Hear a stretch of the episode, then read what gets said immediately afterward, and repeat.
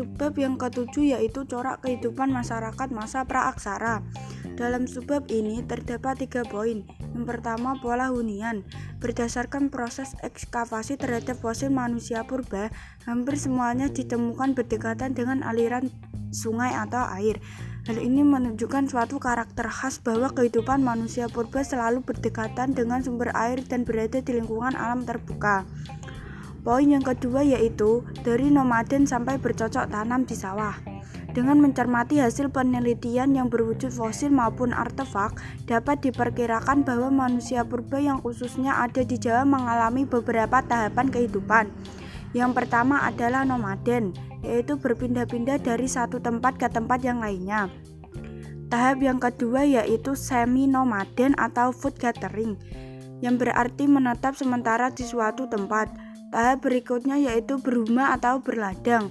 Saat manusia purba sudah memiliki tempat tinggal tetap, mereka berupaya menghasilkan bahan makanan sendiri dengan cara bercocok tanam.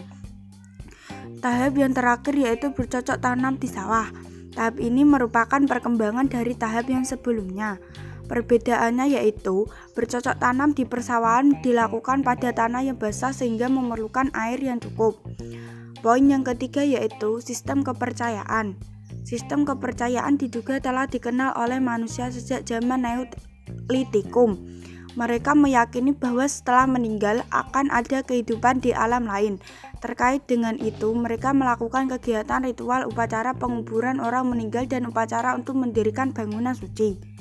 Mereka percaya bahwa roh manusia yang meninggal akan mendapat kebahagiaan jika mayatnya ditempatkan pada susunan batu-batu besar seperti peti batu atau sarkofagus.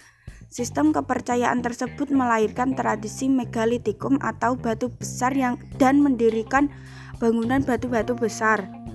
Hal-hal tersebut pada akhirnya mendorong lahirnya animisme dan dinamisme. Animisme adalah kepercayaan terhadap roh yang mendiami semua benda, sedangkan dinamisme adalah kepercayaan bahwa segala sesuatu mempunyai tenaga atau kekuatan yang dapat mempengaruhi keberhasilan atau kegagalan usaha manusia dalam mempertahankan hidup.